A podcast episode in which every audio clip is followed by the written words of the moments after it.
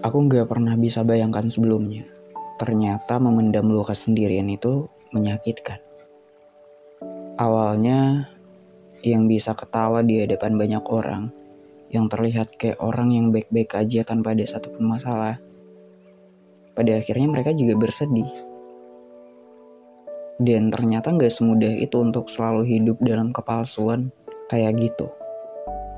Semakin lama malah semakin menyiksa dan ketika kita sendirian, kita menangis.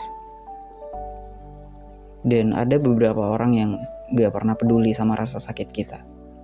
Apalagi ketika cerita kita kedengaran sama mereka, terus mereka bilang, apa sih, gitu aja nangis. Atau baru juga segitu, gue bahkan pernah lebih parah dari itu. Tapi santai-santai aja kok, gak usah lebay kali.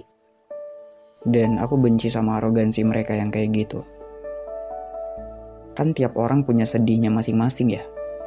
Dan tiap orang juga punya cara mereka masing-masing untuk ngatasin sedihnya. Persetan sama yang dibilang mereka. Kalau memang yang lagi dirasain di hati itu adalah kesedihan, dan kalau pengen nangis ya nangis aja. Gak ada yang larang air matamu untuk jatuh. Kan itu hakmu.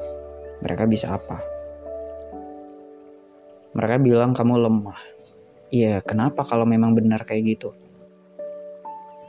Kenyataannya kalau emang kita nggak bisa sekuat orang-orang, nggak bisa sekuat kayak apa yang mereka bilang, apa boleh buat? Atau kita juga tahu kok, kalau bersedih nggak mungkin lama-lama kan?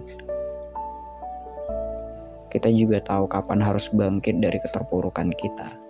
Dan kita juga sadar kalau kesedihan gak akan merubah apa pun. Tapi memendam sendiri dan selalu ditahan-tahan kayaknya bukan sebuah pilihan deh. Ya seenggaknya sesekali kita bisa ngeluapin kesedihan yang lagi kita rasain. Biar nggak terlalu menyiksa diri.